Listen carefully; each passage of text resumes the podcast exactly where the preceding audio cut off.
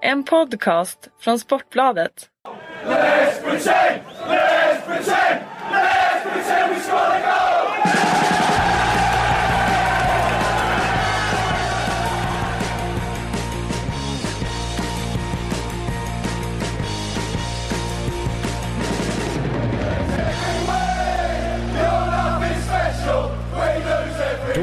Hälsar vi välkomna tillbaks till Sportbladets Premier League-podd. Det blev inget avsnitt förra veckan Kalle. Eh, en deadline day kom i vägen. Precis, vi hade fullt upp med det. Ja, så kan det gå ibland. Men nu är vi tillbaks. Och vi har en hel eh, omgång spelad i helgen som vi ska diskutera och dissekera. Och med oss har vi en debutant, Elvin Basic. Ja, Visst säger man så? ja visst gör man Även det. om en del vill säga basic. Men eh, Ja, man har, man har många smeknamn, så kan man väl säga. Eh, välkommen till podden, det är Tack kul att ha dig här. Eh, idag ska vi prata kris, eller hur Kalle? För att eh, det finns lag som krisar och krislag som levererar, så kan man väl säga. Ja, så kan man säga. Ehm, och jag tycker att vi börjar med den krisen som kanske är den mest eh, omtalade just nu. Och det är Liverpools fullständiga ras. 2-0 i baken i helgen mot Hall, uträknade Hall. Hall som skulle komma tvärsist. Som inte hade spelare vid start på säsongen, som inte hade en manager i starten på säsongen. Och som dessutom sålde sin i särklass bästa spelare för bara ett par veckor sedan, Robert Snodgrass. Och skulle liksom ha gett upp ligan. Eh, Hall har börjat röra på sig. Vi ska prata om dem. Men vi börjar i andra änden. Eh, är Klopp sönderläst Kalle? Um nej, jag vet inte om han är sönderläst på det sättet. Däremot så har ju laget gått in i väggen. Eh, jag tycker inte de uppträder med samma energi som de hade under hösten. Eh, jag tycker inte det är samma eh, frenesi i deras spel. Jag- ser statistik över deras löpmeter efter nyår och i början av säsongen. Jag tror inte det kommer vara samma siffror. Eh, så det, dels det. Sen är det ju ett faktum och det är förfullt Klopp under hela hans karriär att eh, hans lag har ofta haft svårt mot lag som backar hem. Och öppna låga försvar har aldrig varit hans specialitet. Jag tyckte att det var på väg att blåsa bort i höstas. För att då hade de faktiskt ett spel som tyckte jag svepte iväg eh, flera motståndare som parkerade lågt. Och jag upplevde att eh, Nalalana, Nacotinho, eh, satte Mané. snurr. Mané i viss mån. Eh, men framförallt eh, Coutinho och Lallana var väldigt bra på att öppna de här låsta försvaren. Medan Mané såklart hade spetsegenskaper med sin fart när de fick ställa om och så vidare. Eh, men det var ofta Coutinho som var dörröppnaren som eh, öppnade upp för att Mané skulle få chansen att utnyttja sin fart. Men eh, då kände jag att ja, Klopp har har hittat receptet för att möta lag som backar hem och så vidare. Eh, men det kanske var, man kanske var lite tidigt ute där, jag vet inte. Men eh, resultaten efter nyår är ju att eh, de har haft väldigt, väldigt svårt mot eh, ja, ganska svagt motstånd. Och det hade de ju inte haft om de hade haft lätt att öppna de här låga försvaren. Mm. Ja, dubbelmöte mot Plymouth. Det slutade totalt 1-0 till Liverpool. Eh, det, det är ju ingen smickrande statistik om man är, har ambitioner att vinna Premier League och sådär som det pratades om för några månader sedan. Eh, Coutinho har varit borta. Han är ju tillbaks nu. Det har inte spelat så stor roll för, för prestationen.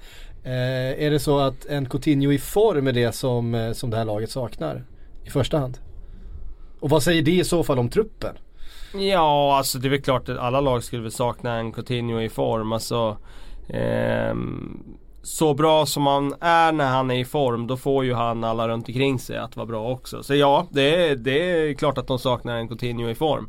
Eh, och det är klart att det hade gjort skillnad på de här resultaten om han hade varit i form.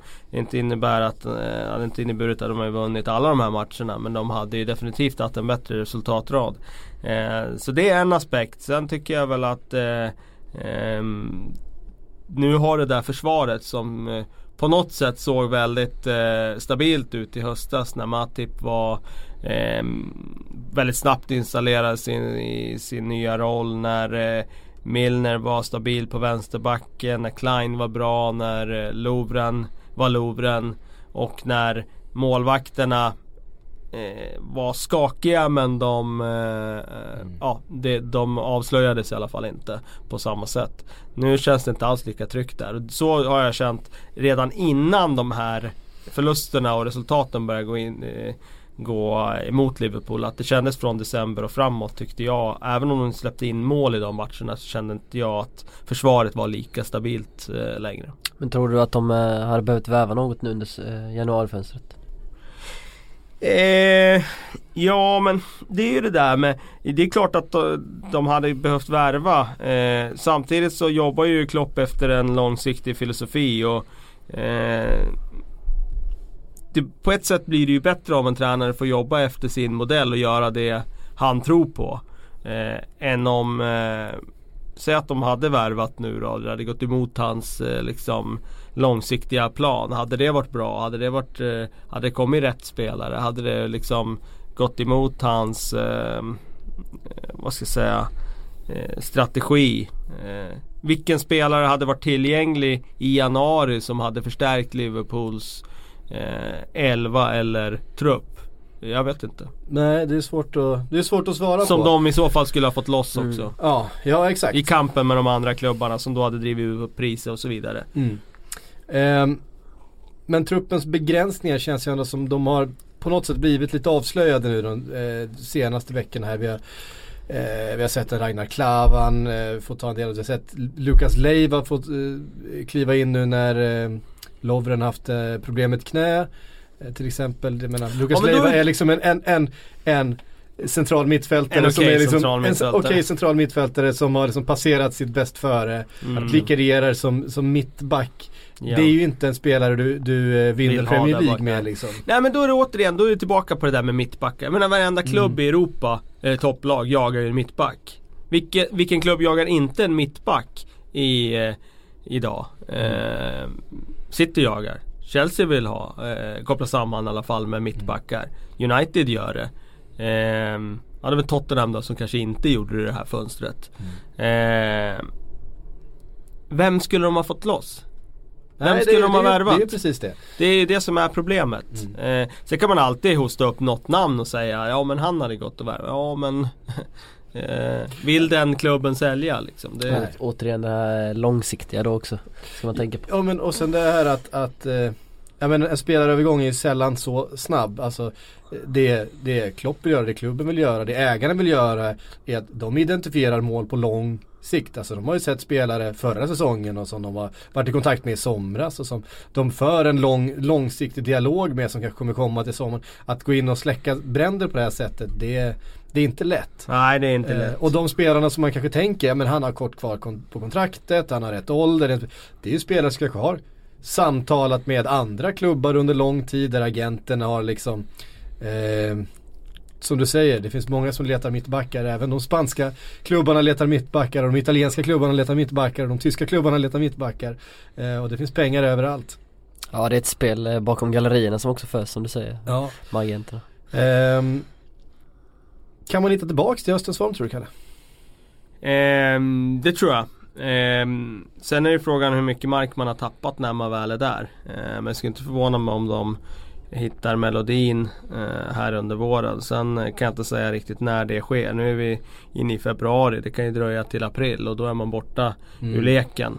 Eh, men det skulle inte förvåna mig om man hittar den där tråden igen och radar upp segrar under en period igen. Jag tycker Nu- att det nu- nu såg de ju- så spännande ut i höstas att jag har svårt att tro att allt bara är bortblåst. Men det är klart, det blir ju det där, det blir ju alltid den där diskussionen också om det här med Klopps eh, spelsätt och hur mycket det kostar i energi över en lång säsong. Nu har det gått Och ett träningsdos. Ja, och träningsdos också. Men eh, nu har det gått en halv säsong liksom. Och nu har de igenom den här vinterperioden. Med tufft tre- matchande och så vidare. Bara tre matcher på hela februari nu. Det blir mycket tid på träningsplanen. Eh, samtidigt som andra konkurrenter, toppkonkurrenter ska ut och spela i Europa. Ja, Eh, så det talar ju för då att de med mindre matchning då kanske kan eh, komma upp i energinivå igen. samtidigt väldigt, det är ett tufft spelschema man har framöver här. Tottenham bo- hemma, Leicester borta, Arsenal hemma. Det är nästa tre. Och sen är det Precis. Burnley hemma, City borta. Everton hemma. Det är, Det är, ja, det är tuffa det är, fighter. fem, det är fem eh, riktigt svåra matcher. Kanske Ja. med undantag av Burnley hemma. Burnley som, vad, har de tagit? En poäng på bortaplan eller sånt Ja, det är inget riktigt bra bortalag. Nej, det är ju på hemmaplan på. Eh, så de tar sina eh, poäng. Vart brister det mest då? Är det, är det framåt eller bakåt? Eller är det centralt? Är det liksom Jordan Henderson som vi har hyllat tidigare? Är det han som ska eh, växla upp här nu? Han som ska ta tag i det? Han är lagkapten, han är spelmotor. Ja, jag skulle säga att det framförallt är där bak eh, det brister. Ingen riktig trygghet från målvakt och backlinje. Eh, Jag har aldrig riktigt fått den. Jag fick den i höstas där under en period när eh, Jag vet inte om de överträffade sig själva eller om det bara var en nivå som de kan hitta tillbaka till. Men jag tyckte det såg väldigt bra ut defensivt i, i höstas där. Och det, den tryggheten har jag inte känt eh, egentligen sen, sen den där försmädliga matchen borta mot Bournemouth när man tappade ledning och, och de eh, liksom sprang sönder försvaret där och det var eh, ja, Dammluckorna bara var öppna. Sen den matchen har jag inte känt den här tryggheten i försvaret längre. Ehm, och... Jag ehm, kände som någonting gick sönder lite Ja, där i- lite- lite var det ju så. Lite, Så var det ju. För jag menar, det är ett ganska skört självförtroende som det här försvaret har byggt upp under de, där, ja, de där få veckorna som det faktiskt gick bra. Det är inte ett, ett, ett försvar som har haft så, så högt förtroende hos eh, manager eller så supportrar det. och sådär tidigare. Så där skulle jag säga att det brister. Sen eh, klart, har du ingen trygghet där bak då är det klart det påverkar allting annat också. Sen är det självklart, jag menar eh, det- Det är klart att det där mittfältet är okej och de springer mycket och de kämpar och så vidare. Men det är klart att det saknas lite spetskvalitet där. Alltså en Xabi Alonso passningsfot. Det skulle ju de flesta lag må rätt bra av. Det mår ju alla lag bra av och det hade Liverpool också mått bra av såklart.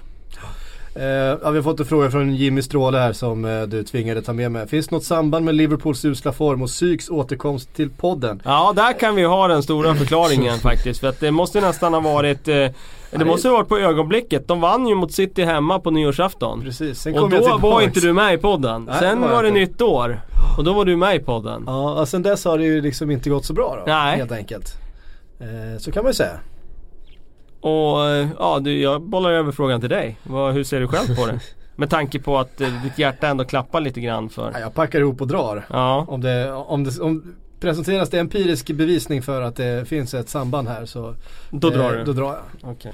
Eh, nej, ja det, vi får väl se. Alltså jag brukar ju säga att eh, jag tror inte på, på skrock och eh, gudar eller någonting sånt här. Förutom när det gäller fotboll. Då gäller allt.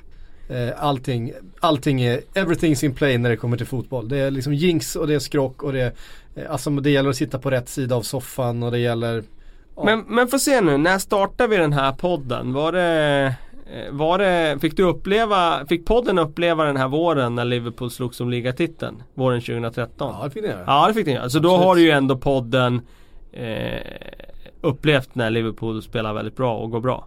Ja, Då kan det inte helt gjort. och hållet Nej. vara kopplat till den här empiriska bevisningen får ju svårt att förklara bort det. Mm. Du klarar det kanske ett tag till här Jag kan ju dra en, en lite personlig anekdot då. Att jag bokade ju hotellrum i Liverpool till sista omgången. På förmiddagen sam, samma dag som Liverpool mötte Chelsea där. Och, Och Gerard och halkar. Gerard halkade. Så att jag tar på mig den också då. Ja just det. Bokade Vilken jävla jinx alltså. Ja den var, den var tung var den. Ja den är tung. Ehm, vi lämnar Liverpool då och sen så eh, kliver vi över på andra sidan planen från matchens, eh, eller från helgens match där mot Hall. Hall som ehm, ja, helt enkelt har fått, verkligen fått ordning på grejerna. Och Ja, vad, vad eh, Alltså Hall som skulle vara sist, som skulle liksom ha gett upp det här. Helt plötsligt har man tagit Först då krysset mot Manchester United där man är en stolpträff ifrån och får med sig alla tre poängen. Och sen så tar man alla tre poängen hemma mot, eh, mot Liverpool. Vad, vad ska vi säga om det här? Alltså det känns ju verkligen som att de har gått ihop som ett lag nu och eh, verkligen satt sig i omklädningsrummet och bara sagt aj fan får vi ta, ta oss samman liksom och kriga oss kvar i den här ligan för de gick ju ändå ut och försökte värva allt de kunde värva och samtidigt sålde de Snodgrass så eh, jag menar det är ett lag som eh, verkligen måste kämpa för varandra nu och inte se möjligheten utåt ur från klubben utan verkligen titta på vad har vi, vad kan vi göra liksom, leva lite mer i nuet. Det tror jag verkligen eh, Hull har gjort då så. Marco Silva. Som vi ju, Ja vi snackade om han för några veckor sedan ja, vi, vi har ju pratat om honom Mm. och man visste ju inte riktigt vad man skulle få. Eh, jag menar framgången i Portugal är ju fantastiska liksom med Estoril och, och, och så vidare. Sen jag menar vinna ligan i Grekland med Olympiakos. Ja det kan nog många göra. Det, det, klarar de flesta av tror jag. De har väl vunnit nästan alla ligatitlar de senaste 20 åren. Eh, så att det var tveksamt vad man skulle få egentligen i, i den, här spel, eller den här tränaren. Men det är ju tydligt att han har kommit in och gett det här laget en helt ny ram. Ja, alltså det är ju otroligt imponerande det han gjort för att eh, eh komma in i det skedet som han gjorde. Ja, allt att vinna kan man ju säga. Men inte riktigt för han har ganska mycket förlora också. Det är hans första liksom, gång han får känna på en toppliga. Och han hade ju, han kommer in till ett lag som är i princip raserat. Truppen är ihålig och han kan, eh, hans rykte kan ju bli förstört av liksom om, om det blir en katastrofvår här. Men det som han gör då det är att han direkt ger dem en struktur eh, defensivt. Och han styr verkligen upp dem försvarsmässigt till att bli väldigt, väldigt eh, solida. Eh, organiserade. Alla vet vad de ska göra i defensiven, alla gör det. Och visst, det ser inte så himla roligt ut alla gånger. Det är väldigt, väldigt, eh, det är parkera bussen liksom. Och mot Manchester United så stod ju i princip alla, alla spelare var ju fem meter utanför straffområdet max. Mm. Och, ehm, men samtidigt, eh, det går inte att, att komma ifrån det faktumet att han har lyft deras resultat något alldeles enormt. Han har lyft deras prestationer något ännu mer ska jag säga. För att Eh, de har ju dessutom varit nära i matcher där de inte har fått något. Manchester United där till exempel. Eh, där de får ett kryss men de skulle ha kunnat fått mer.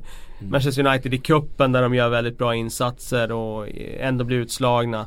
Så um, ja, det är otroligt imponerande. Jag skulle säga att eh, pratar ren manager eh, eh, insats så eh, ta bort Conte från Chelsea som är topp den här säsongen. Så ska jag säga den här säsongen så är det här det jag blir mest imponerad av. Marco Silvas första tid i Hall. Eh, eftersom hans läge var så otroligt svårt. Förutsättningarna var eh, skrala och han har gjort det så här bra. Så får vi se om de kan hålla i det. Det är en helt annan sak. Men nu har de gett sig själva chansen i alla fall kriga om ett nytt kontrakt. Och det var ju mer än vad vi trodde för ett tag sedan. De har ju också fått skrapa ihop lite sådär, lite spillror från, från klubbar runt om. Eh, han kom från Inter va? Eh, backen. Nu står det helt still. Ranocchia. Ranocchia, Ranocchia precis. där ja. Eh, som ju inte var någon hit i, i Inter direkt men... Eh, Han gick ju in och gjorde en fantastisk match mot eh, United får man väl säga. Han hopp, han, eh, där kom han in som inhoppare. Han startade mot Liverpool tror jag. Eh, och ja, det är ju två matcher man håller nollan.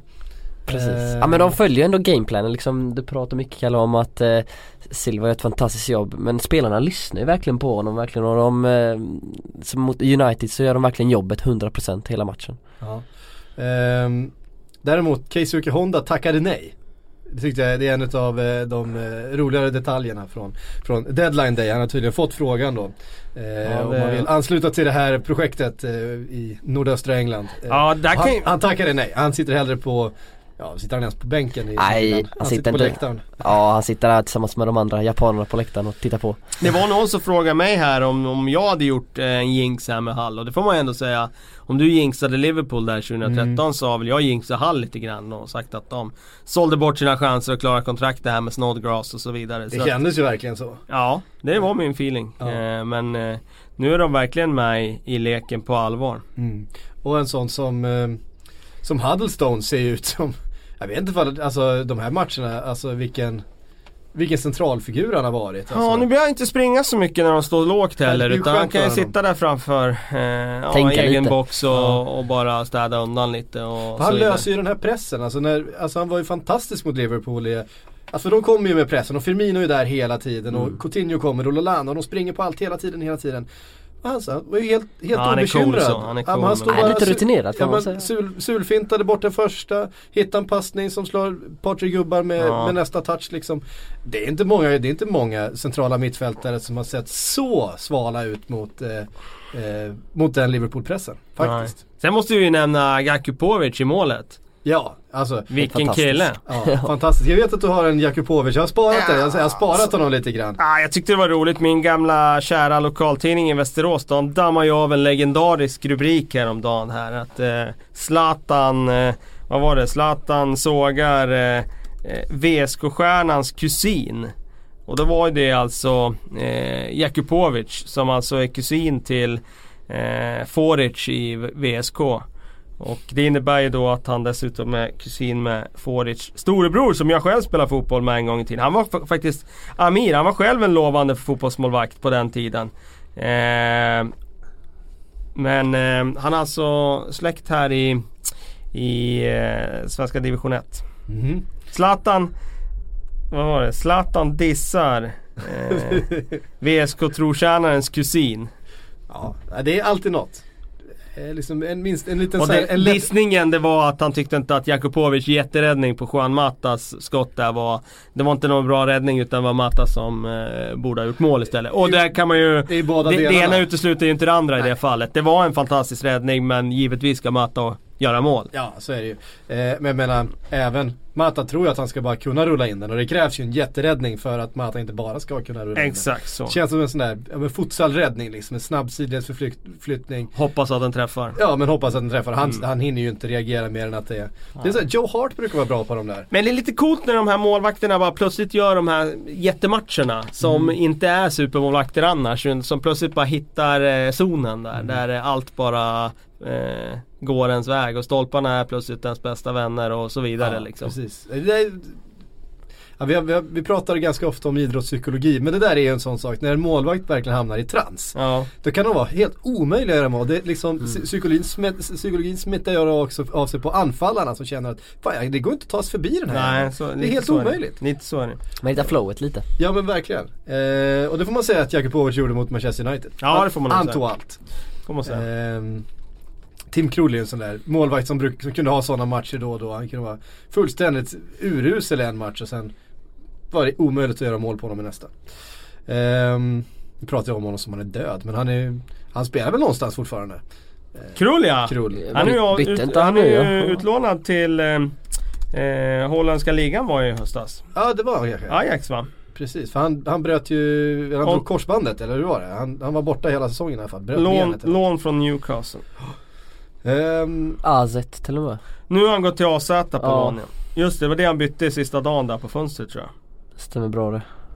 där, då har vi ringat till honom. Ja. Ehm, och nämner vi Marco Silva så måste vi ju nämna Paul Clement i Swansea. För det är ju nästa projekt som vi hade dömt ut. Eh, hur ska han lösa det här? Jag menar det är Swansea som bara läcker in mål. Match efter match efter match. Ser nu helt plötsligt också ut som ett lag som mycket väl skulle kunna stanna kvar i den här högsta ligan en säsong till. Ja verkligen. Eh, gjorde ju en bra match senast mot Manchester City också tycker jag. Mm. Eh, utifrån sina förutsättningar så, är så ju- gör man det ju så bra som man kan Mm. göra. Kommer dit Och och allt. är några sekunder ifrån att få med sig ett kryss därifrån. Ja.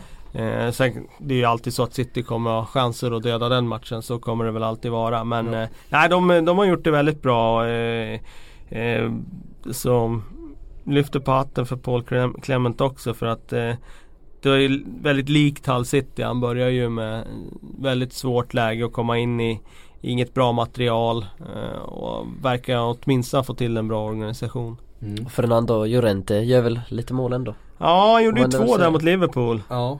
Eh, nej, men han är ju, han är ju i alla fall ett hot där uppe. Eh, en spelare som kan göra mål. Och Sigurdsson har gjort tre på tre matcher. Ja, vi har fått en, inte en fråga, det är från Matti Hallgrims. Han skriver så här. Eh, inte en fråga men en vädjan. Eh, Gylfi Sigurdsson som vi brukar säga då. Uttalas inte som Byxgylf utan som Gilvi. Eh, ingen skugga ska falla över er men det gör ont i en islänning-svensks öron att höra hans namn misshandlas på det sättet. Ja det kan jag förstå, Ja, det kan jag förstå. Gilvi från och med nu då. Gilvis- Gilvis Sigurdsson. Gilvi Sigurdsson. Ja, det tar vi med oss. Det tar vi med oss. Eh, nyckelspelaren annars för, för Swansea det är, ju, det är ju Gilvi men det är också en Jack Cork skulle jag vilja säga som jag tycker är en, en bra fotbollsspelare. En av de kanske inte, de har ju inte ett lag som håller Premier League-klass men Jack Cork är i alla fall en utav dem. Han har Ja, fina fötter. absolut och eh, både liksom kan både passa och vinna tillbaka bollen för han sliter ju rejält där. Mm. Jag var, all, var lite förvånad över att SA-15 släppte honom när de gjorde det. Men å andra sidan hade de ganska många alternativ i det läget på centralt Mm. mittfält. Ehm, men ja, kul för Martin Olsson. Kul för Martin Olsson som ändå har kommit in och gjort lite skillnad. Om man skulle få klara kontraktet någon gång. Ju- han, har, ju- han har ju klarat kontraktet några gånger. Ja, Han har han. rätt, rätt, han många, rätt många säsonger med, eh, med Blackburn. Ja, absolut. Eh, Det är nu på senare år han fått åka hiss upp och ner mellan. Ja precis, Nej, men det har varit kul om man får komma in lite grann som en frälsare också. Ja Att absolut. det vände nu när vi, när vi köpte Martin Olsson. För eh, visst har det blivit bättre. Även att han, även att han defensivt fortfarande bjuder på en del så, så har det blivit lite mer fart Ja, på jag, gillar kanten. ju, jag gillar ju Martin Olsson. Han är ju... Ja men det blir ju fart på kanten han, han kör ju. Han kör ju. Ja det är verkligen rätt liga för han är verkligen så här. Eh, av svenska spelare, om man tar bort eh, Zlatan så, så är väl sinnebilden för Shining. Men när han eh, spelar, det är liksom eh, Han skiter ju i motståndet. Han, det är uppspänd bröstkorg, det är bara fullt blås. Det är inte någon blygsam kille som eh, går ut med mössan i hand liksom. Utan eh, det är in och, in och svinga och så får vi se hur länge, det, hur länge man står. Ja, eh, och fullt blås, upp och ner. Eh, det gillar vi. Högt tempo. Det är som sagt, jag har, haft svårt att se honom prestera i någon annan liga på det sättet. Det passar honom att, eh, att ha Ja, det, är intressant att se han i, La Liga till exempel. Ja men det är Italien, liksom. Italien. Har du så liksom fel. Jag tror bara... det skulle vara kulturkrock i båda de ligorna. Men Ja, ja, ja, det hade varit verkligen. intressant. Ja, perfekt så här Premier League-spelare. Alltså typiskt Premier League-spelare. Verkligen. Ja, verkligen.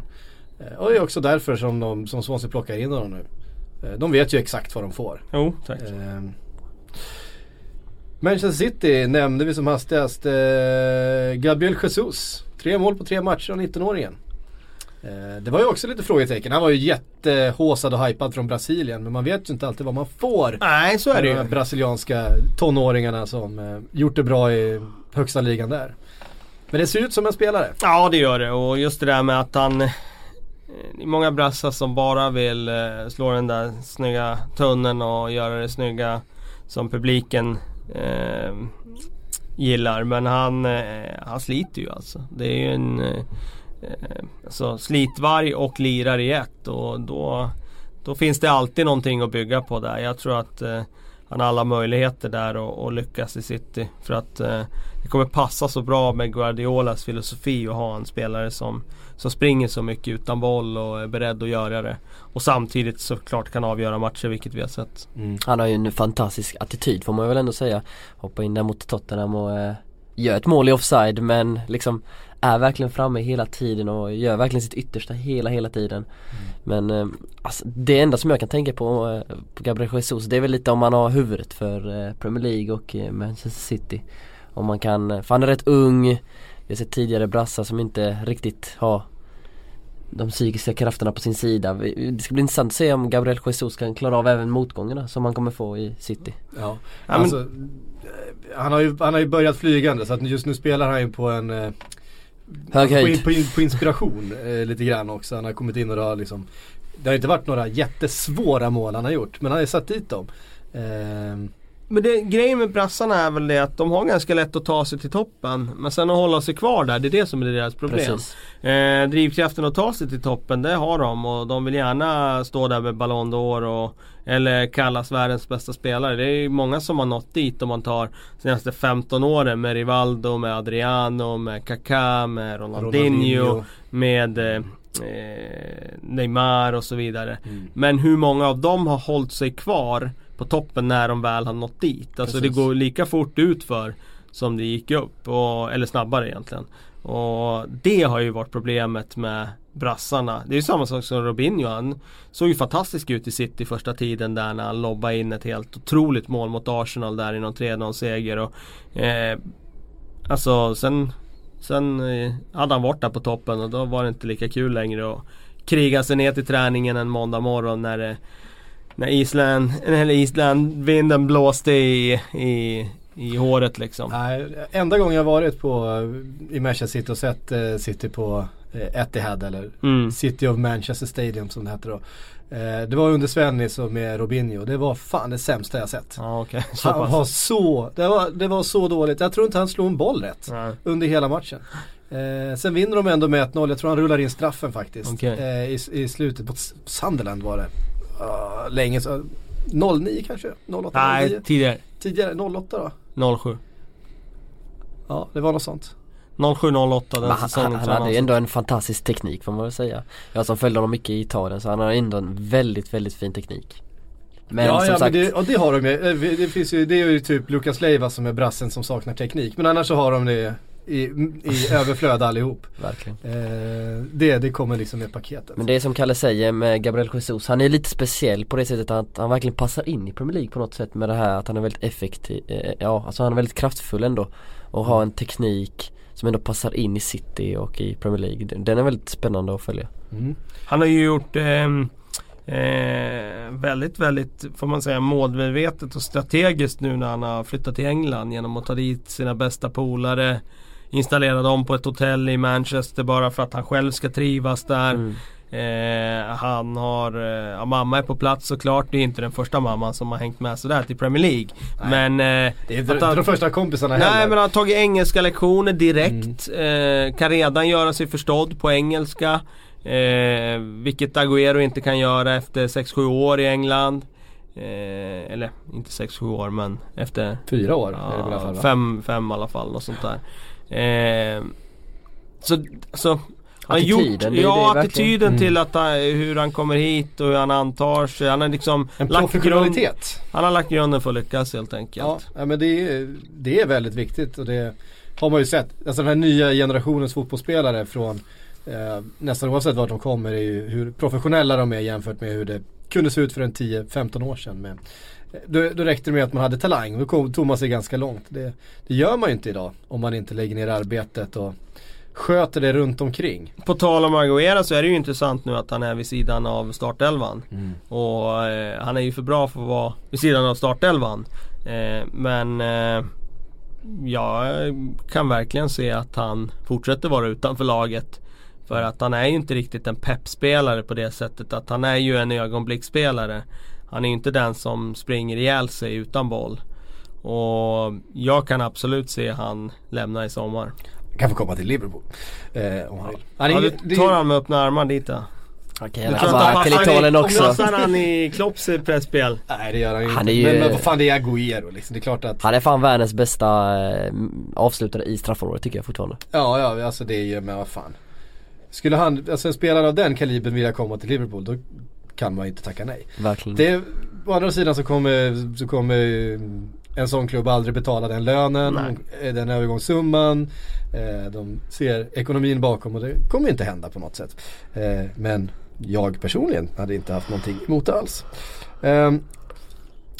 Vi har fått en fråga från Erik Tektor eh, som tittar framåt lite grann här. Eh, vad tror ni Citys unga trio med Sterling, eh, Jesus och Sané kan åstadkomma de kommande åren? Och vad händer med Nacho?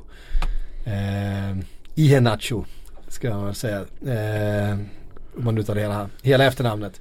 Eh, Ja, sorry jag kom av mig lite. Just nu i mitt Twitterflöde kom det upp en bild här på Jiloan Hamad som presenteras av Hammarby på Kvarnen av alla ställen. det är klart man Eh, presenteras på jag ser Kvarnen fram emot när ett Premier League-lag presenterar sin stora värvning på, På den Kvarnen. lokala puben. Eh, ja, nej det, det kommer ju inte hända. Nej det kommer inte hända. Eh, men Erik Tektor, Citys unga trio med Sterling, Jesus och Sané, vad de kan åstadkomma de närmsta säsongerna. Det är ju spännande, det är en Ja spännande det får man trio. säga. Får man säga. Sané har ju varit ju eh, fantastisk, jättebra alltså. liksom. Helt, eh, man, man trodde inte att han skulle vara så bra ändå. Nej. Spännande. Eh, och Sterling har vi också sett, eh, faktiskt under Pep och framförallt i början på säsongen, var väldigt effektiv. Eh, det är ju effektiviteten som är hans problem annars. Han skapar ju rätt mycket och kan ju springa ifrån vem som helst men även med boll. Men kan ju också bränna tre frilägen i en match. Hej, jag heter Ryan Reynolds. På Mint Mobile, we like to do the opposite of what Big Wireless does. They charge you a lot, we charge you a little. So naturally, when they announced they'd be raising their prices due to inflation, we decided to deflate our prices due to not hating you. That's right. We're cutting the price of Mint Unlimited from $30 a month to just $15 a month. Give it a try at mintmobile.com slash switch. $45 upfront for three months plus taxes and fees. Promote rate for new customers for limited time. Unlimited more than 40 gigabytes per month. Slows. Full terms at mintmobile.com. Ehm, um, Då har vi sparat en, eh, en, en liten eh, guldkorn från helgen då. Och det är den här matchen mellan Chelsea och Arsenal. Som vi inte har nämnt än så länge. Och det måste vi göra för här finns några punkter att diskutera. Vi kan väl börja med Chelseas överlägsenhet i den här matchen. Det var ju inget snack. Nej, det var inget snack och det var väl inte så förvånande heller, tycker jag. Ehm, alltså Arsenal lite halt Mm. av lite skador. När de har de där problemen och ska åka och möta Chelsea borta, en arena där de ofta har problem. Chelsea som dessutom ja, Inga större bekymmer just nu när det handlar om skador och så vidare. Väldigt bra Det har de form. inte haft på hela säsongen. Nej och liksom De Ja, är ju ja. så pass solida så hamnar du i underläge mot dem Med den där fembackslinjen och så vidare då, då är du ju rökt Mm. eh, Och nu får de ett mål som eh, Det går att diskutera en hel del kring Mm, jag tänkte vi skulle göra det. Ja, Ehm, Alonsos armbåge. Eh, jag, jag tror att alla är överens här inom att det in, inte skulle varit mål. ja Nej. så för mig, för min del så är det solklar frispark Och? Nej jag håller verkligen inte med. Jag tycker att Alonso kommer i så pass hög fart och han kommer så högt upp. Så att han, han, är, han är först på den bollen. Det är inget snack om saken. Att Bellerin liksom hoppar lite halvdant upp och ska försöka nicka undan bollen.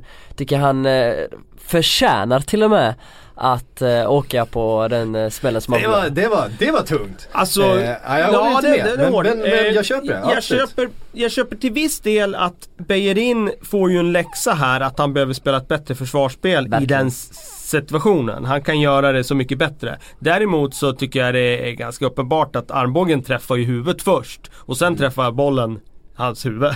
Alonsos huvud alltså. Och för mig så, alltså man kan inte hoppa in på det där sättet och sätta en armbåge i huvudet. För mig är det frispark och gult kort. Alltså, jag jag var väldigt förvånad över att BBC och de här börjar snacka om att det liksom, att det var Men det där är, Inte det var där, det, frispark, det, det där är den gamla, det där är den gamla engelska Ja, retoriken. Ja men alltså he, he wanted it more liksom och då, då får man göra sådär ungefär. Så, reson, så har det resonerats tidigare decennium i, den, i, i det där landet och eh, man ska premiera den här typen utav fysiska eh, spelare och, och, och tilltaget den som hoppar högst och vill mest och kommer in med mest kraft ska, ska premieras.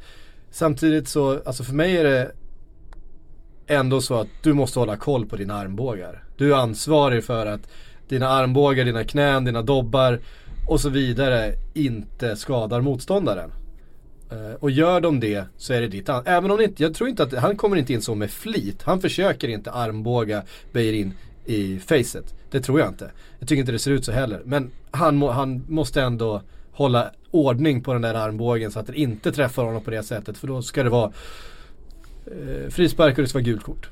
Men jag tycker han ändå är, han är så pass högt uppe. Ja, alltså, så att då, då blir det verkligen att han, att armbågen är det. För jag tycker, jag köper inte riktigt det här i fotboll att du måste hålla händerna inom kroppen. För det går ju inte när du ska upp och nicka liksom, det går ju inte. Du Nej behöver men det armbågen. behöver, du inte, det behöver du inte göra men du Och då kan är inte ju sätta det. armbågen i huvudet på någon och träffa med armbågen först och sen träffa bollen. Det är det som är mitt problem. Om han nickar den först och sen råkar komma åt med en arm på någon. Ja men då, då ser jag det som att då har du ju, då har du ju träffat bollen först och det, det blir en kamp. Men i Jag det här fallet inte- så tycker jag att armbågen kommer i första skedet mot Bejerins huvud. Men jag tycker inte att eh, Beirin är tillräckligt högt uppe för att ens kunna mäta sig med den här situationen. Nej, han, liksom det... han, han är ju inte nära att nå bollen Nej. Beirin. Eh. Sen måste vi ju säga någonting om övriga backlinjens försvarare. För det är Beirin som får ta första nickduellen också. Den som går i ribban. Sen ska han då revanschera sig. Det är därför han är så sen in i situationen. För han har ju precis landat när bollen studsar ut. Då ska han upp och ta nästa nickduell också. Ja. Och var är, var är mittbackarna? Ja, Korsinny han står och tittar, fem meter därifrån. Han tittar på första situationen. Sen står han still och undrar vart bollen ska komma. Sen står han och tittar på andra situation, situationen också. Men det blir Eh. svårt att möta Chelsea där för de, i, precis i upprinnelsen till det här målet så har de ju slitit isär den backlinjen. Mm. Och de har gjort det med det spelsystemet de har. Att eh, blir väldigt många spelare som plötsligt kommer in i box och så har du en wingback längst bort. Som någon ska ta hand om och vem ska ta hand om honom? Ja det är ju Bejerin egentligen. Mm. Eh, Men då får han, eftersom, eftersom Mustafi och eh, Koscielny då har gått bort sig tidigare läget så är Beirin redan inne och ska ta Precis, Costa. och det är det där som blir problemet eftersom de spelar så centrerat med sina yttrar. Mm. Så blir det ju att Beijerin får kliva in och ta en av yttrarna. Och i grundläget alltså. Ja. I grundläget. Eh, Och det funkar och- inte alls. Nej det är väldigt svårt. Det är jättesvårt. Och då blir det alltid en wingback som är ledig. Och, Mm. ehm, ja det var det som skedde i det här fallet. Ehm, det är inte, Ja, det, det funkar ja. inte att ha, det är lite som att ha Jordi Alba. Det är därför många spegelvänt och spelar med fembackslinjen när de möter Chelsea för att det är så himla svårt att få kontroll på den där Mm. eh, uppställningen de använder. Ja. Ehm, Men det är smart av Chelsea också att utnyttja det. Ja man- givetvis. Och sen har de ju bra spelare också. Det är klart de, eh, jag menar 2-0 målet är ju ingen målchans. Men Ja. Eden Hazard drar 3-4 gubbar och sen är det mål och då är det klart att då blir det ganska enkelt också att vara tränare om man har spelare som kan göra sådana där saker. ja det är ju ett fantastiskt mål. Så är det. Ehm, han, är, han är i stöten nu igen, den Ja. gode Eden. Eh, Efter, He's back. Efter, efter förra säsongens eh, fullständiga eh, supersvacka. Det måste vara liksom så här, differensen mellan vad en spelare kan göra och vad en spelare Ett faktiskt år, gör. inte nästa år och sen tillbaka till den nivån. Ja, det precis. kan vara bland det större vi har sett de senaste 20 åren. Ja det måste nästan vara så alltså. För att han går Bäst i från- ligan, ligans helt spelare. medioker. Men inte ens medioker, han är ju, han är Ja. usel. Ja, usel. Och sen nu eh, en av de bästa i ligan igen. Ja. Men vad beror det på mest? Alltså psykiskt Ja, är eller ju att Chelsea är lika alltså, dåliga? Psykologin som är så svår Ja. att bemästra liksom. Det är hans egen, hans egen psykologi till eh, situationen och tränaren som var i Chelsea i fjol. Ja, Mm. så är det. Eh, hans, eh, vi såg ju också att när Mourinho försvann så successivt så, så, Blev det började- bättre så blev, blev det bättre för Hazard och, och mot slutet av förra säsongen så var han ju riktigt bra. Eh, Ja. Så var det. Ehm, är ligan avgjord? Ja, jag tycker att den är det. Eh, sen är det klart att det är många poäng det ska spelas om och så vidare. Men Chelsea utan Europaspel i vår. Jag kan inte se att de kollapsar. De ser inte ut som ett lag som kommer att bara rasa ihop. Utan det ser superstabilt ut. Det enda som skulle kunna förändra det, det är ju en skadekris. Och det vet man ju aldrig. Det kan man inte utesluta. Eh, men det känns ändå som att de har Ja men säg att alternativ Diego, liksom. Diego Costa och Hazard skulle bli skadade nu, är borta två månader vardera. Det är klart att det skulle bli kännbart för dem att de då skulle börja kunna tappa poäng som de inte har tappat tidigare.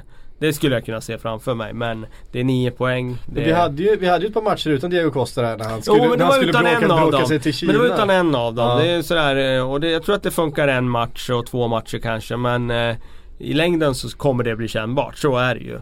Eh, samtidigt så har de ju de har ett ganska gynnsamt schema kvar. De har två, två bara två topp 6 möten kvar och det är City hemma och det är Manchester United borta.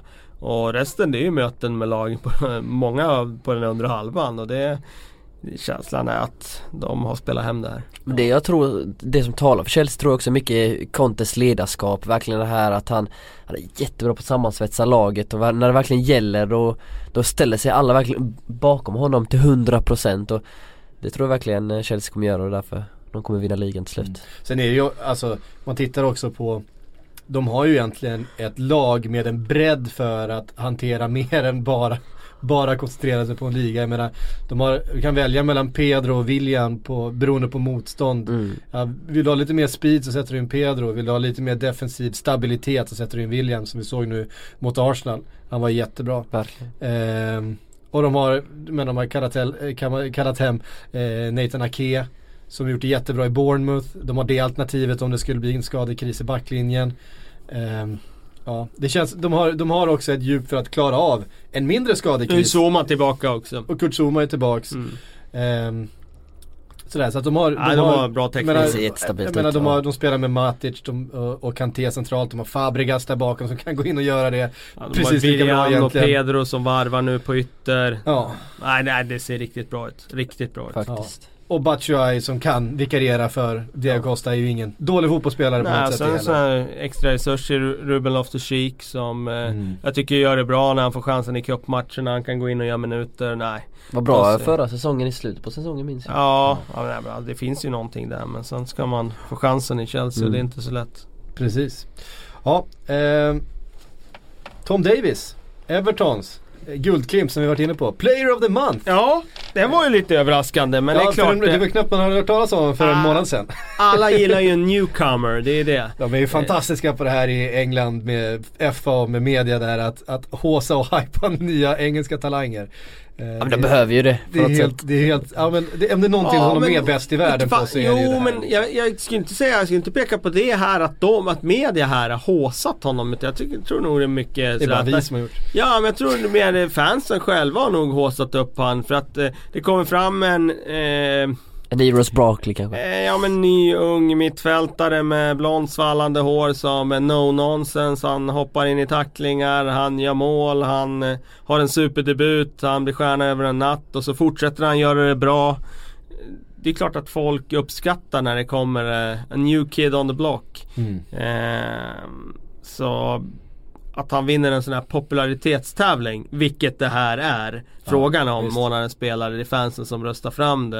Eh, det ja, jag, jag kan se det när det inte fanns någon annan som var så här supergiven kandidat. Han vann omröstningen mot Dele Alli och eh, Gil, Gilfi, eller vad sa vi? Gilvi. Gilvi, Gilvi Sigurdsson. Ja. Och det, ja, de har gjort det väldigt bra men det var ingen sån här kandidat den här månaden som var eh, helt outstanding. Nej. Everton går ju som tåget också. Ja får man säga. Eh, Lukaku. Eh, vi har fått eh, frågor om det. Vi ska eh, komma in på frågor precis just nu. Vi börjar med en fråga som handlar om skytteligavinnaren. Skytteliga som Lukaku just nu leder på sina 16 eh, gjorda mål. Eh, Bear, ha, Bear, Bear Hellstream, ska vi gissa att han heter Björn Hellström. Eh, Säkert. skriver, vem är den äldsta skytteligavinnaren i Premier Leagues historia? Kan Zlatan ta även detta rekord? Det har ju du kollat upp. Jag har kollat upp det. Vi Ja. hade en, jag var tvungen att quizza dig lite på, för den var inte helt lätt. Nej. Ehm, Ja, vi satt ju ett tag och diskuterade. Ja, det finns ju några. Det är ju ingen som har varit, alltså som har vunnit skytteligan som har varit i närheten utav Zlatans då 35.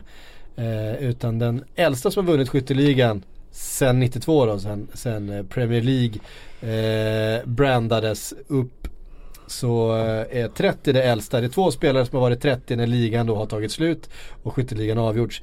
Eh, den ena är Nicolas Anelka som var eh, 30 och två månader ungefär. Eh, 2009 då vann han skytteligan på 19 gjorda mål. Svagt år. Mm, mycket Eh, svagt år. Och eh, den andra är också ett ganska svagt eh, år och det är Berbatov som var äldst, den äldsta skytteligavinnaren i Premier League. Det gjorde han, det är en lite kantboll för han delade den med, med eh, Carlos Tevez. Eh, 2011 på 20 gjorda mål och Berbatov var då 30 bast och eh, fyra månader ungefär. Han fyller år i januari. Så så är det. Annars är väl om man ska in på det där med att vara gammal och göra avtryck så är väl Teddy Sheringham som han blev vald till ligans bästa spelare. Han vann i alla fall ett av de där priserna. Han var Mm. året han fyllde 35. När han gjorde den där avstickaren till Manchester United. Och det var ju eh, kanske det mest, ja det och John Terry då, men det är skillnad med mittbackar, där kan man stå och nicka undan och sådär. Men om vi tar offensiva spelare då. Teddy Sheringham i Manchester United där, som var 35 år och var dominant i Premier League det året. Eh, det är väl där någonstans Zlatan har sin utmaning, alltså att jämföra sig uppåt mot den nivån. Eh, att vara, mm, säga att han till och med skulle få priset som ligans bästa spelare den här säsongen och vara mer än 35, då har han, då har han bräckt Sheringham i det avsnittet. Precis. Sen finns det ju en spelare här som eh, skuggar lite grann och som eh, visserligen är ett år yngre än Zlatan men och som ligger på 14 gjorda mål, ett mål bakom. Din favorit va? Ja men Jermaine Defoe, han har ju en fantastisk säsong. Han har alltså gjort 14 av Sunderlands 24 mål den här säsongen. Ja, det är helt otroligt. det kan vara någon slags rekord faktiskt. Jag skulle tro det va? Alltså det, Ja, alltså det, mer det än 50% av målen. Ganska mycket mer än 50% också. Nu har de ju den taktiken. Och Ja. man får säga att jag tycker att Jermaine Defoe har utvecklats, konstigt nog, de här senaste åren. I just att spela som en ensam striker. Eh, och att även spela med ryggen mot mål. Normalt sett så har ju han varit en målpetare. En djupledsgående eh, spelare som spelar på få tillslag. Nu ska han ju hålla upp ett försvar, han ska liksom hålla i bollen, han ska utmana på ett annat sätt. Och jag tycker han gör det faktiskt väldigt bra i Sunderland. Han har gjort, närm- han har gjort 58% av målen. Ja, alltså det, Ja, det säger en hel del hur Det viktiga han är för laget. det, det säger en hel del om, om Sunderlands taktik här. Ja, det, det är fantastiskt. Ehm, Lukas Larsson eh, undrar hur kommer det sig att de flesta målvakter som spelar på Old Trafford förvandlas till Neuer? Han tänker framförallt på Jakubovic då eh, i förra veckan. Eh, ja men det där är lite typiskt. Man kommer dit och är ex, alltså det, att spela på Old Trafford är ju någonting speciellt för alla som kommer dit. Eh, jag menar det är den största arenan i, i England. Det är sån Theatre theater of dreams. Du möter Manchester United som är det mest framgångsrika laget med allt liksom vad det innebär. Och det är klart att många kommer ju dit och är extra taggade. Och så börjar det bra i en match så får man lite, lite momentum och så byggs det där ganska snabbt på. Så att även om Old Trafford på många sätt och i väldigt många år har varit ett vapen för Manchester United så är det klart att i vissa situationer kan det också vara ett verktyg för motståndarna att, att liksom verkligen tända till när man börjar få lite, börjar man känna att fan vi kan göra någonting här. Vi är ett sånt, vi är ett underläge men, men jävlar idag, idag stämmer det och sen är det på den klassiska marken och mot det stora laget och på den arenan så det är klart att även Old Trafford kan göra monster utav motståndarna. Men det är klart det finns en sån typ av psykologi och det kan bli effekten som det var på 90-talet att eh, motståndaren går in och känner att de ligger under redan när matchen startar. Ja. Eller så när efter det har varit några tunga säsonger för Manchester United så kan det bli den effekten som du beskriver att de eh, blir ännu mer taggade. För de vet att det är möjligt att åka dit och skrälla och få med sig något. Man såg ju framförallt under, framförallt under David Moyes skulle jag säga hur Old Trafford blev väldigt tungt på axlarna på hemmaspelarna. Ja, jo så var det. Eh, och Sir Alex sitter och hökar från, från läktaren. Liverpool åker dit och gör 3-0. Eh, ja det var den säsongen Ja, det tror jag. Det var det. Eh, Suarez spelar fram till alla tre Kan stämma. och eh, Dirk Kuyt gjorde alla tre. Nej. Var det nej, inte så? Nej. Det var inte den Nej, han gjorde dem inte på Old Trafford. I den här matchen gjorde väl Moreno något mål om jag inte minns fel. Men, Oj, men, nu också, vi... men också det här med Hall skulle jag nog vilja säga att, eh, att man eh, man, man vinner närkamperna, man vinner närkamperna, man, eh, man vinner bollen, alltså sådana här små grejer de, de sätter sig väldigt snabbt i huvudet. Åh nu vann vi den, åh nu vann vi den här. Ja Och, precis. så, och, och det går vidare hela matchen och tiden måste ticka, ticka, ticka. Då tror jag mer att United känner sig mer nervösa och Hull när de ser att United blir nervösa Då kan de få lite mer självförtroende på det sättet och eh, gå iväg. Ja. Gerard på straff, Gerard på straff, Suarez. Det hade det. målskyttarna, Där var 3-0. Just det, precis. Nej det var ju, det var ju på Anfield två, en säsong innan eller två säsonger. Mm, där Dirk. Kuyt petade in tre stycken returer. Suarez slog bakom alla tre. Ja, det kan stämma. Ehm, blanda ihop de två. Ehm, fråga från Oskar Jakobsson. Eh, hylla de spelare, de spelare som inte får några hyllningar i Chelsea. Framförallt Alonso och Matic. Och hur bra är Courtois? Courtois är ju tillbaka på den nivån tycker jag som han var. Eh, han har så när var- fruktansvärt långa armar alltså. Ja, han är fruktansvärt bra i luften. Så inte många målvakter som är bättre än han i luften. Ja, jag, tror inte, alltså. jag, jag kan inte komma på, det känns, han behöver knappt hoppa ibland. Dels är han ju jättelång. Eh, men man tycker de där inspelen, det ser ut som han är överspelad. Men han hoppar inte ens. Han skickar upp de där jävla störarna till armar. Som ju når, han når ju över ribban Ja. utan att hoppa liksom. Han tar dem ofta ovanför huvudet på folk, alltså att han sträcker Ja. händerna framför spelarna och plockar upp dem. Ja, han är väldigt säker i luftrummet och det är klart att det ger en jättetrygghet för Chelsea att de kan sitta lågt där och så har de, vet de när det kommer inlägg så har de världens bästa målvakt i luftrummet där bak också som bara går ut och plockar de där inläggen. Eh, Matic har ju fått ett lyft, det är ingen tvekan om det. Och jag tror att han eh, njuter av att spela med Kanté som täcker så mycket ytor bredvid honom. Så han får göra det han är bra på. Han känns nog framförallt trygg med honom där med tanke på Ja. att han gjorde mycket egna misstag förra året och nu har han någon som täcker upp och verkligen känner att det finns någon som hjälper till. Och Alonso eh, tycker jag var bra redan när han var på lån där i Sunderland. Ehm, så... Alltså han- han Alonso är ett stort bra. frågetecken. Jag fattar inte vad Chelsea såg honom när de värvade honom alltså. I Italien var han ingenting speciellt.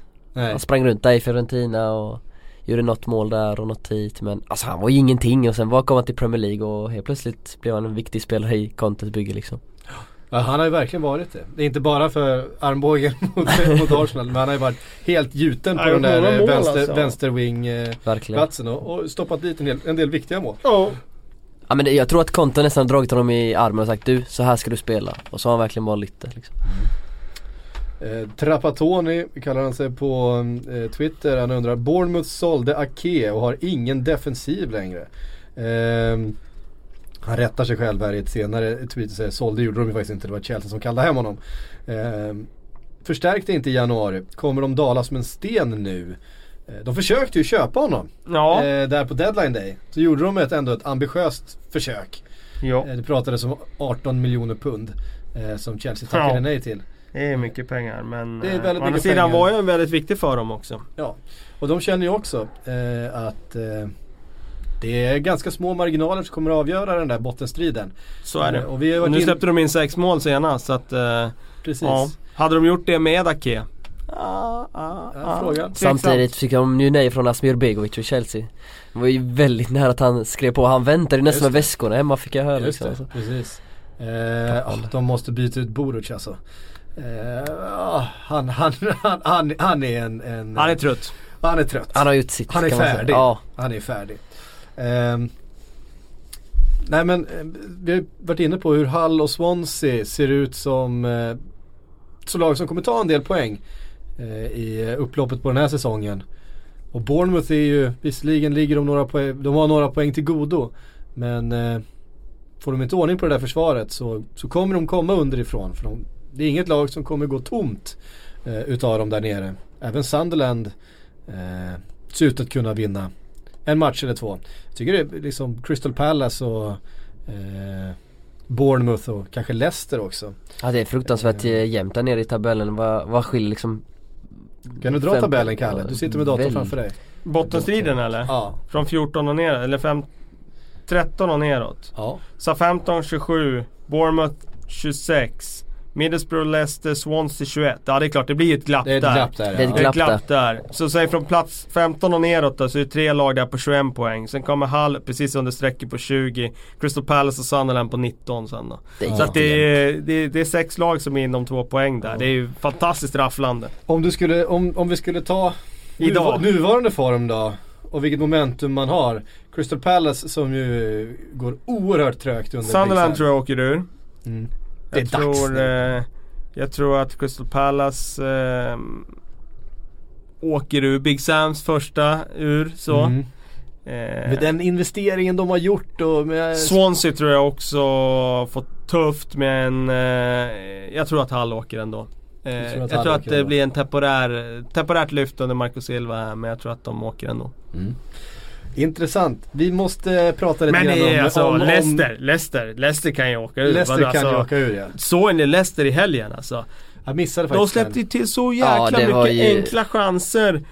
Där de liksom den där bara får rinna igenom den där backlinjen. Vad är det som händer? Vad är det som händer Ja, det, Ranieri? det är ju också mycket psykologi i det laget eh, just nu och jag, jag tror att Ranieri eh, får svårt att eh, lösa det här. Om man ens behåller med jobbet Ja, alltså jag tror inte de sparkar han men eh, det skrivs ju nu i England att han tappar omklädningsrummet och det är inget bra Nej. tecken. Och han är inte... Det är en väldigt populär rubrik i engelsk Ja press så också. är det ju men eh, jag tror att eh, i sommar här då kan det vara så att det är dags för ett byte där.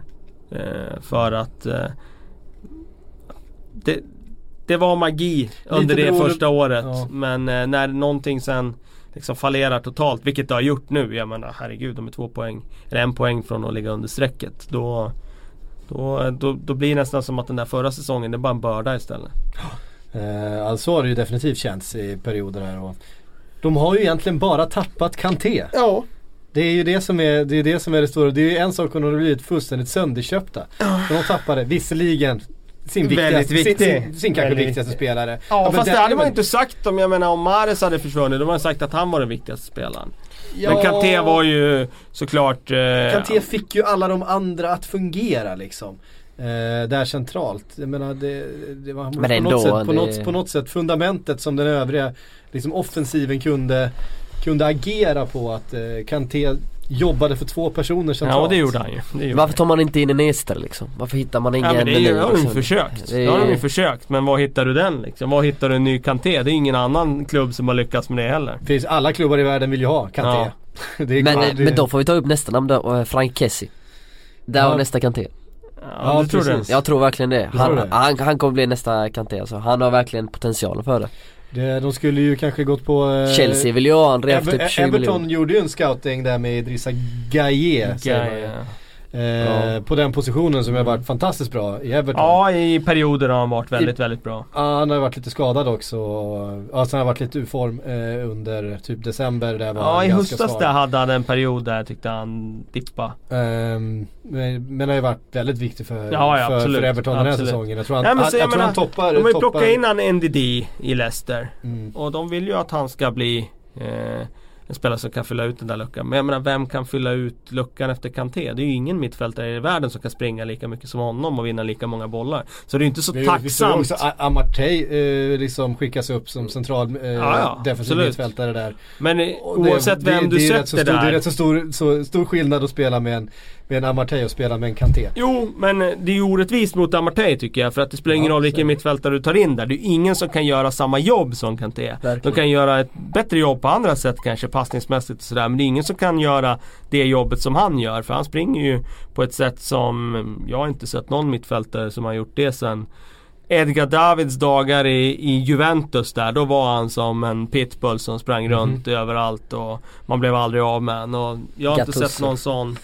Ja, Gattuso men eh, Gattuso ja, men det var ju mycket också för eh, syns skull liksom. Alltså Kanté är ju eh, smart också i sitt sätt när han går in i tacklingar liksom. Han är ju Han- liten. Ja, alltså, vinner han vinner så otroligt mycket i närkampen. kropp. Han är kompakt men, men han väger ju Alltså jag skulle tro att han väger Mindre än vad du gör.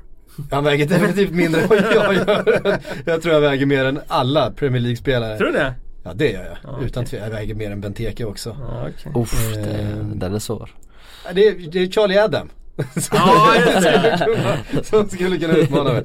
Ja, men fan jag är över 90 vet du. Kan inte vara spelare i Premier. League och väga över 90. Men jag tror inte du vägde så mycket, det syns inte. Ja, jo det gör det om man, du har inte tittat tillräckligt noggrant. Nej, det har jag inte gjort.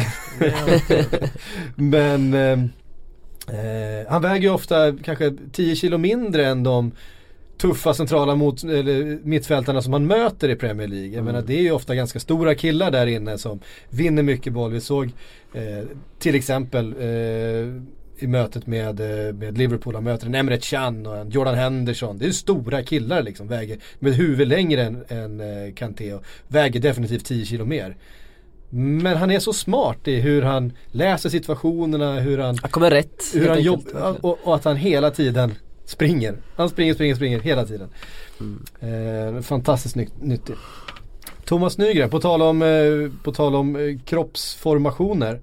Eh, så vill han ha en fem minuter lång crouch-hyllning Oj. efter måljublet. Kanske inte fem minuter, Nej. men vi får väl nämna honom. Ja, absolut. Eh, 100 mål. 100 mål av Pete, Pete, Peter Crouch. Alltså det är, det är som så här, spelaren som inte skulle kunna spela fotboll egentligen. Nej. Med den där fysiken. Eh, ja, han är ju ett fenomen. ja, han är verkligen, 100 mål, det är mycket alltså. Det som han, jag har sagt det tidigare någon gång i den här podden, men det som han inte får cre- credit för riktigt det är ju det där att han har en väldigt funktionell teknik. Eh, han är inte bara lång och kan vinna bollar i luften och nicka ner och nicka in bollar utan han har en väldigt bra teknik när han är felvänd, sätta ner på rättvända spelare. Han eh, eh, mottagningar och sådär. Han, är ju, ja, han gjorde ju det helt otroliga målet mot City där du vet när han sköt på volley över Joe Hart där. Så mm, nej, det, är- det är imponerande att han har haft den karriären han har haft. Jag vet att vår vän Erik Niva, han skrev ju någon gång, det här är jättelänge sedan, men han skrev att han var tre meter lång och totalt oduglig och det var otroligt att någon kunde betala pengar för, för den här spelaren. Men ja, nu har han gjort 100 mål. Ja, han har gjort det. Eh, Ja det finns ju anledningar till varför han, han spelar Premier League fortfarande. Helt klart. ja, absolut. Och jag menar han eh, Han har sett bra ut den här säsongen också. Vad är han nu? 34? Han är väl där, eh, Han är 80, 81, 82, va? 81 någonting. Ja, 35 då. 88 kanske. Ehm, och fortsätter leverera. Ja, Eh, det är fantastiskt. verkligen. 81 år vet du, det, det är bra grejer. Det är en jävla bra årgång får man säga ändå. Alltså det, det, det, det får man säga. när är du född Elvin? 96. Herregud, nu alltså. avslutar jag den här podden med de orden alltså. Nu, Fan, nu vi tar en gra, 96. gravöl Kalle. det är dags att gå i pension för en annan. Ja, ehm, precis. Och med det så eh, rundar vi av. Jag blev helt chockad eh, över det här årtalet 96. Jag, Ja, det är jag kommer ihåg vi åt till frukost 96. Ehm, Tack för att ni har lyssnat den här veckan. Vi är tillbaka om en vecka igen.